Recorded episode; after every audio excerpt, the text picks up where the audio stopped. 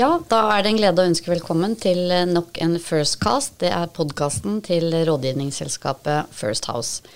Mitt navn er Cecilie Ditlev Simonsen. Jeg skal være programleder i dag. Og med meg i studio så har jeg Benedikte Gryttedal, som leder den digitale helsetjenesten Kry. Og jeg har også med meg Carl Munthe Kaas, som er leder for kolonial.no. Eh, velkommen. Tusen takk. Takk. Nå har vi jo eh, lest og hørt mye om eh, mange virksomheter som virkelig har opplevd en nedtur som følge av covid-19. Permitteringer, arbeidsledighet, eh, nedgang i salg osv. Tøffe tider. Men så finnes det noen virksomheter som eh, virkelig har eh, faktisk hatt eh, stor suksess også i disse tider. Eh, og dere er eksempler på det. Jeg har lyst til å begynne med å spørre deg, Carl. Da du skjønte at Norge var i ferd med å stenge ned, hva tenkte du da? Nei, vi Det var et par ting. For det første så så vi for så vidt krusningene på havet litt før det ble helt åpenbart i, i pressen. For det var, jo, det var jo smitte ute i Europa eh, også før det traff eh, Norge skikkelig i midten av mars. Men, eh, så vi fikk en liten sånn forsmak på at det antakeligvis kom til å kunne bli et stor pågang. Men, eh, men når, når, det stengte ned, så eh, Nei, det var jo litt sånn alle mann til pumpene. pumpene eh, type eh, setting. Men, men jeg, det var helt utrolig. Det var bare, Vi måtte jo sette ned flere grupper. Det ene var jo på kapasitetsøkning, og det andre var på smittevern. Så det, så det som var spesielt med det, var at ja, det var jo helt åpenbart en utrolig mulighet. ikke sant? Vi så jo bestillingene bare raste inn. og og etter hvert så ble jo også måtte, Du fylte opp neste dag, og så fylte opp dagen etter der. Og det gikk jo sånn, holdt på fram til påske før vi fikk kapasiteten så høyt opp at vi kunne ta unna alle de bestillingene som lå inne, og komme seg over i en normal eh, bestillingstid. Men så, så, så, klart det var en kjempemulighet, men så var det også det at i starten så visste man ikke helt hvor hardt myndighetene kom til å eh, reagere på eventuelle smittetilfeller. Så, og du driver et svært lager ikke sant, med flere hundre ansatte. Så det, vi skjønte jo at det var jo bare et spørsmål om tid før noen kom til å bli smittet der også. Og da var jo spørsmålet hva gjør vi da? ikke sant? Så, så, du var på en måte på den ene siden, fordi du visste ikke om det da kom til å bare bli alle ble satt i karantene, eller hvor, hvor på en måte strengt man tenkte å begrense det. Så, så um, det var både både tidenes største mulighet og tidenes største risiko da, på samme tid. Så, dere er jo et ganske ungt selskap. I hvilken grad vil du si at dere var eh, godt forberedt og hadde tenkt inn, som hadde beredskap for en sånn situasjon?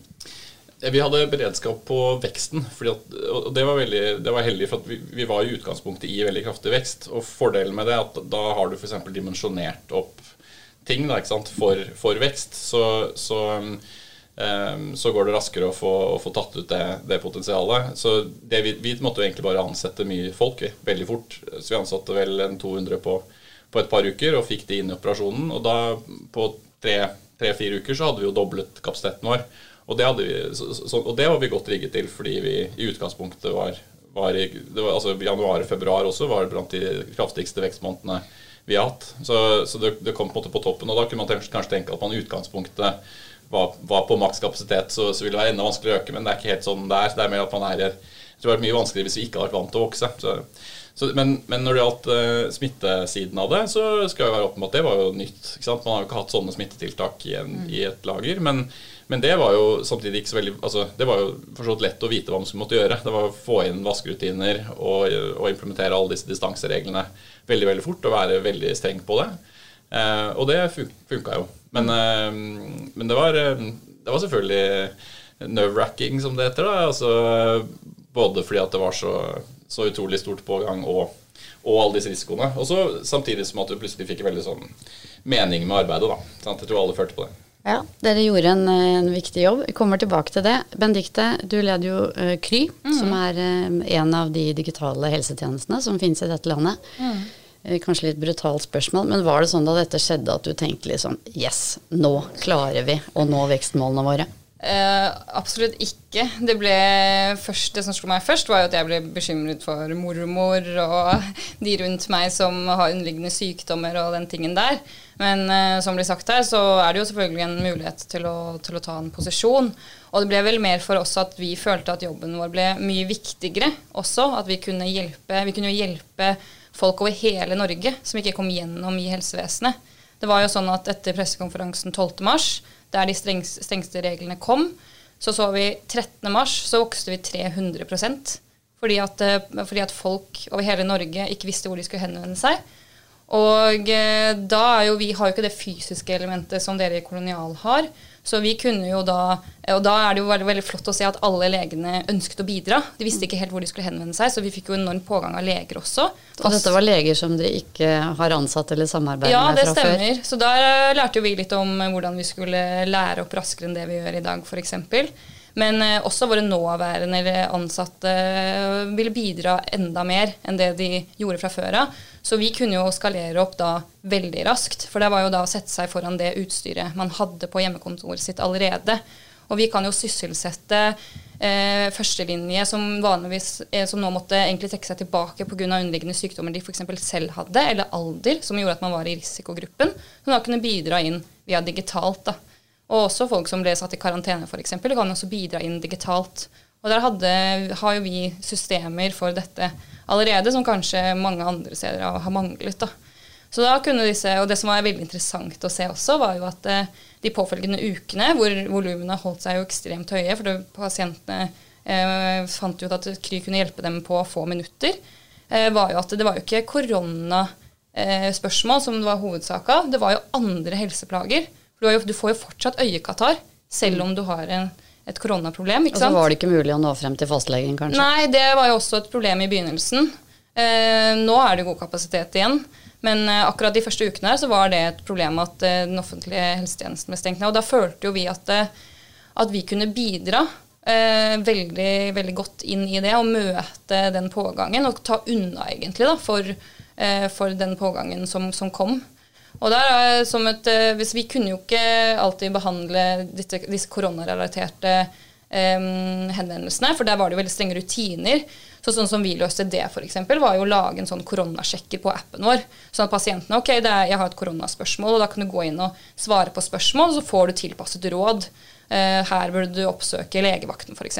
Her kan du få råd av en en Noe av det var vel egentlig også informasjon man kunne få uh, si fra offentlige nettsteder? Ja, og så var det lange ventetider på telefon f.eks. Uh, og så hadde man hadde et ekstremt informasjonsbehov også. Så man kunne få god informasjon deretter. Mm. Dere har jo begge nå da oppbemannet uh, for å møte en voldsom etterspørsel. Men hvordan håndterer dere det nå? Altså, ting begynner jo å vende tilbake til normalen.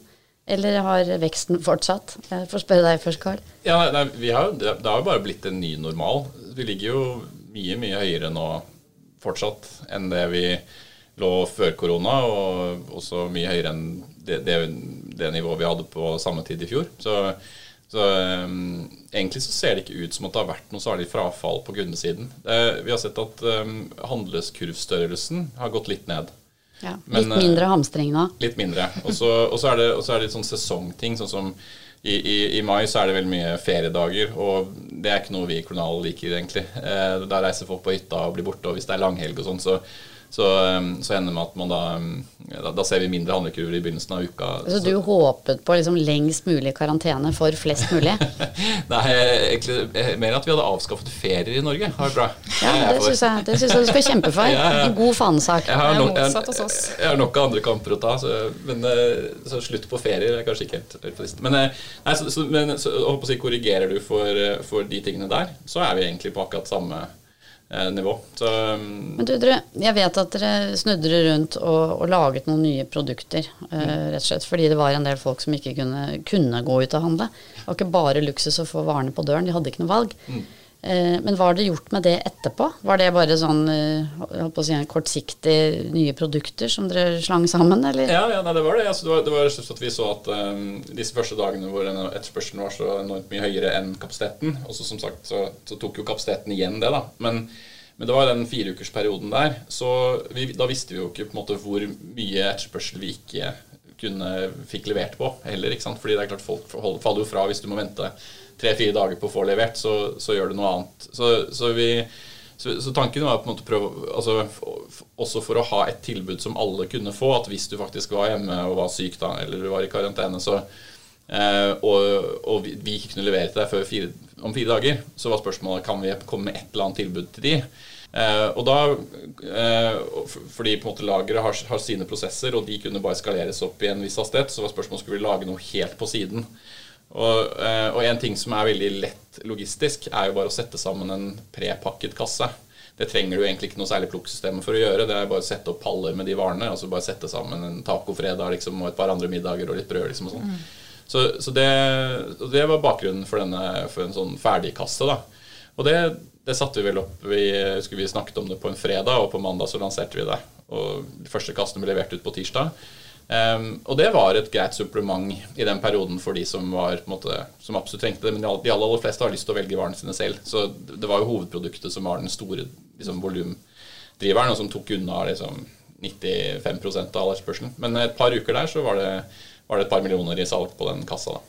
Har du møtt noen skal vi si, type spørsmål eller reaksjoner, enten fra, altså i næringslivet eller fra venner eller hva som helst, som, som har sagt det sånn Ja, men Carl, det er jo kjempefint at dere tjener så mye penger på dette, men har du vurdert liksom, om dere skulle liksom bli med på den store dugnaden og redusere prisene og hjelpe folk uh, i nød? Nå, nå, altså, du kan si, Vi har jo bare ligget på de samme prisene hele veien og bare fulgt dagligvaremarkedet. Så, uh, og der er det jo faktisk vært en ganske stor prisreduksjon. Selv om folk ikke helt legger merke til det, så er det at uh, valutakursen, norske krone, har falt så kraftig at innkjøpsprisene våre har gått opp ganske mye, særlig på frukt og grønt. Så, eh, nei, så altså, si, Dagligvareprisene generelt i Norge er, har, vært, uh, har holdt seg stabile eller til og med gått litt ned, og vi har fulgt det. da. Um, så, det, men, så det, jeg tror ikke prissetting sånn sett har ikke vært noe stort tema. og vi har heller ikke, altså Du kunne snudd på det. Du kunne sagt at Vi kunne skrudd opp prisene våre med 50% vi har fortsatt uh, solgt akkurat uh, like mye, antageligvis. Var du fristet? Uh, nei, det var vi ikke. Faktisk så tror jeg ikke vi hadde et eneste møte engang på liksom, hva vi gjorde med pris. Det var, var, bare ikke et fokus. Vi hadde så mye å gjøre på kapasitetssiden. Bare kjøre på og levere. Ja. Eh, Benedicte, dere leverer jo en digital tjeneste, og alle snakker jo nå om hvordan covid-19 har bidratt til sånn eh, speed-digitalisering mm. av arbeidsprosesser og møtevirksomhet og hva det måtte være. Hvilke tanker gjør du deg om uh, hva vi har lært, og viktig, altså hvilken betydning digitalisering, digitale tjenester generelt, uh, vil ha for oss fremover? Jeg tror i hvert fall i helse så har man jo satt et punktum ved at digitale tjenester er her for å bli. Man har virkelig forstått viktigheten av at man kunne ha tilbudt digitale løsninger de fleste helseinstitusjoner og fastleger er over på video, f.eks. Og så er det jo dette å følge med i timen også, og utvikle dette videre, selvfølgelig. OECD-rapporten i fjor sa jo det at vi er 15 år bak andre bransjer innen digitalisering. Og jeg tror også, Det vil bli interessant å se, men jeg tror også vi eh, som pasienter, folk flest, kommer til å sette litt høyere krav til helsevesenet også, i form av digitalisering. Det har vært eh, mye sånn eh, telefonbestilling av legetimer, og du må reise til legekontor, og du må sitte på legekontor i stor grad. Det er ingen andre bransjer hvor vi tolererer dette, egentlig. Eh, bortsett fra i helsebransjen. Jeg blir bare glad for å til slutt komme inn fra venteværelset. Ja, ikke sant? Ikke sant? Også, men så er man stort sett veldig fornøyd med, med helsevesenet også. Men, men når, når får vi fastlege på video? Ja, Fastlegene er på video faktisk allerede, så det er kjempebra. Vi kryr faktisk også eh, utviklet en sikker og gratis videoplattform som vi har lansert i Norge for alle helsepersonell, sånn at de kan komme seg over på video. Det var litt sånn dugnadsånd fra vår side også. Så, du, så dere eksempler på at flere eller andre typer brukere kontaktet dere i den perioden? Altså Fikk dere flere eldre kunder f.eks.? Jeg tror vi fikk eh, egentlig mer jevnt over. Eh, vi så ikke at det var noen grupper som utpekte seg eh, spesielt. Det var egentlig, sånn som jeg nevnte tidligere, at det var generelle helseplager. At du trengte et sted å få hjelp. Og da fant man Kry. Når du ser tilbake, selv om vi er jo ikke liksom helt ferdig med denne situasjonen, mm. men likevel, er det ting du skulle ønske at dere hadde gjort annerledes? Um, ja, vi kunne jo vært, eh, vært mer strukturerte på hvordan vi oppdaterte retningslinjene. Vi, det var overraskende for oss. Det kom nye retningslinjer daglig flere ganger om dagen. Det ble litt sånn kaos, og det var altfor mange mennesker som satt på å følge med på alt som skjedde, for å være oppdatert hele tiden. Eh, vi jo, fikk jo mange spørsmål fra folk eh, relatert til korona, selvfølgelig. Og da var det jo veldig viktig at vi var oppdatert. Så det var litt armer og ben om hvordan vi skulle strukturere oss, men det tror jeg var litt sånn i Norge generelt, egentlig. Eh, men vi har jo lært litt mer av at vi må hele tiden risikovurdere, sette ting i struktur. Kanskje sette det enda mer på agendaen da, neste gang. Mm. Mm. Dere er jo, eh, skal vi si gründerbedrifter som er i ferd med å bli voksne, eller kanskje har dere blitt eh, voksne nå. Carl, eh, med det dere har vært gjennom i denne fasen, har du noen generelle råd til andre gründerbedrifter? Eh, oppstartbedrifter? Eh, Eh, som, liksom også med det vi har vært gjennom nå de siste månedene som bakteppe. Tror, altså, det, det som eh, med, Hvis du setter i eh, covid-kontekst, så tror jeg at eh, lærdommen der er jo forstått at du bør være forberedt på å kunne ta, ta inn en mulighet når den dukker opp. ikke sant? Men det er jo det er lett å si, og det er spesielt lett å si i etterkant. Men eh, jeg tror altså jeg tror ikke det er så veldig mye vi kan planlegge for. Altså, nå, nå har nok samfunnet endret seg litt for at sant, man har mer aksept for digitale løsninger. Vaner man har begynt å innarbeide seg, eh, kommer nok til å forbli. Men eh, så jeg tror ikke jeg har noen egentlig spesielle råd altså, rent knyttet til det. Men det er generelt, hvis du er måte, i stand til å vokse, så, så er jo det en positiv ting. Fordi plutselig så kan det komme sånne kan si, windfall-ting som dette her var. ikke sant? Eh, men når det er sagt, så um, Og det tror jeg er samme for, for Kry også. Dette her har jo ikke vært Det har ikke gjort noe annet enn å bare fremskynde en utvikling som lå der i utgangspunktet. Så, så selskaper som på en måte gjør det bra og har noe som skaper verdi, de vil jo gjøre det i ganske mange settinger. Og selvfølgelig spesielt da med dette her at det begrenser bevegeligheten til folk, så påvirker det selvsagt fikk litt e-handel spesielt. drahjelp. Ja, Ja. Benedicte. Eh, Ja, jeg tror jo at det er veldig viktig å ikke gifte seg med strategien sin. Vi, eh, vårt største prosjekt i begynnelsen av året var jo å starte en klinikk. Og eh, da dette traff, og vi så jo litt sånn som vi nevnt at eh, vi så jo eh, litt krusninger på vannet i forkant, vi også. Det kom jo mer luftplager plutselig. Vi så at det piket på symptomene. Men da er det jo viktig at den strategien endret seg raskt. Da, nå er ikke det viktig for oss å starte den klinikken. Det er bare å skrinlegge det. Null prosent arbeid på det. Og bare vende seg om, da. Så være dynamiske, sånn, ha en strategi, tror jeg er kjempeviktig. Men også revurdere hele tiden om det er den riktige strategien. Eh, så det tror jeg absolutt eh, er noe av det viktigste vi har lært. Da.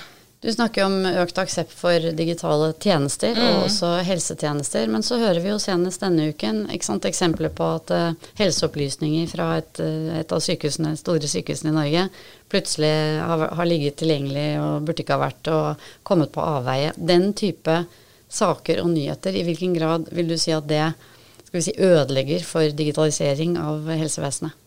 Jeg tror det setter det bare høyere på agendaen hvor viktig det er eh, å ha sikre rutiner. Eh, man snakker jo veldig mye om sant, sikkerhet og datasikkerhet, og det er brister. Men eh, når alt skjer på papir, så kan jo også man miste en konvolutt på gata, og du kan sende feil konvolutt til feil pasient, og det er ingen som fanger opp disse tingene her. Og det skjer i helsevesenet nå også. Men med digitale løsninger så får man jo satt rutiner på det. Du får satt det i dagens lys, og det blir enda bedre kontrollert. Vi på vår side kan jo kontrollere f.eks. antibiotikaforskrivningen vår med, med en, stålhånd, ikke sant? mens det kan jo ikke mange andre som, som skriver ut dette på papir, f.eks. Så jeg tror at det, det kan øke sikkerheten. Og så må man jo være, være alltid veldig påpasselig da, med hvilke systemer man bruker, og kvalitetssikre det er gode rutiner på det hele tiden. Det er kjempeviktig. Da har vi hørt eh, litt fra to veldig ulike typer virksomheter. En eh, veldig, vi får si manuell, eh, Carl. Manuell, Fysisk, ja. En fysisk og manuell virksomhet som leverer mat til, eh, til folk som enten trenger det eller gjerne vil slippe å handle, handle selv. Eh, og en eh, veldig digital tjeneste som eh, har også utviklet seg. Alle de menneskene dere har ansatt i denne perioden, det gjelder dere begge, er det, er det blitt faste og varige arbeidsplasser, så dere har faktisk bidratt på sysselsettingssiden også, Carl? Ja, definitivt. Eh, nei, vi, vi er en tariffbunden bedrift, vi, og, og, og har faste arbeidsplasser som eh, på en måte vårt eh, eh, som, som vi bruker i all hovedsak. Vi har, bruker litt vikarer for, på, på topper, og akkurat nå som dette skjedde, så da, det er klart, da økte jo vikarbruken. Men med en, gang vi ser, altså med en gang vi så at dette normaliserte, så, så ble jo de helt som normalt egentlig da, konvertert over på, på faste stillinger. Så det, dette har vært en varig endring og en helt permanent sysselsettingseffekt for oss. Benedikte? Ja, Vi er jo en biarbeidsgiver i hovedsak for eh, fastleger og sykehusleger. Så under krisen så arbeidet folk mer, og nå skalerer man ned igjen. Og det er jo, var jo egentlig litt at eh, man ønsket å bidra mer også, legene, under krisen. Og nå syns de det er deilig å ikke jobbe så mye igjen, da. Så, eh, så, selvfølgelig i noen grad. Og vi vokser jo eh, stadig. Eh, men vi har jo ikke så mye sysselsatt som vi hadde i, i, mars og april. Det har vi ikke. Nei, og det tyder på at ting er litt mer tilbake til ja, normalen, og det, det får vi kanskje være glad for. Fint, ja. ja. Tusen takk skal dere ha. Vi bør gjøre lytterne oppmerksom på at uh, begge dere to er uh, kunder hos oss, så vi jobber med dere og kjenner dere. Så er det sagt.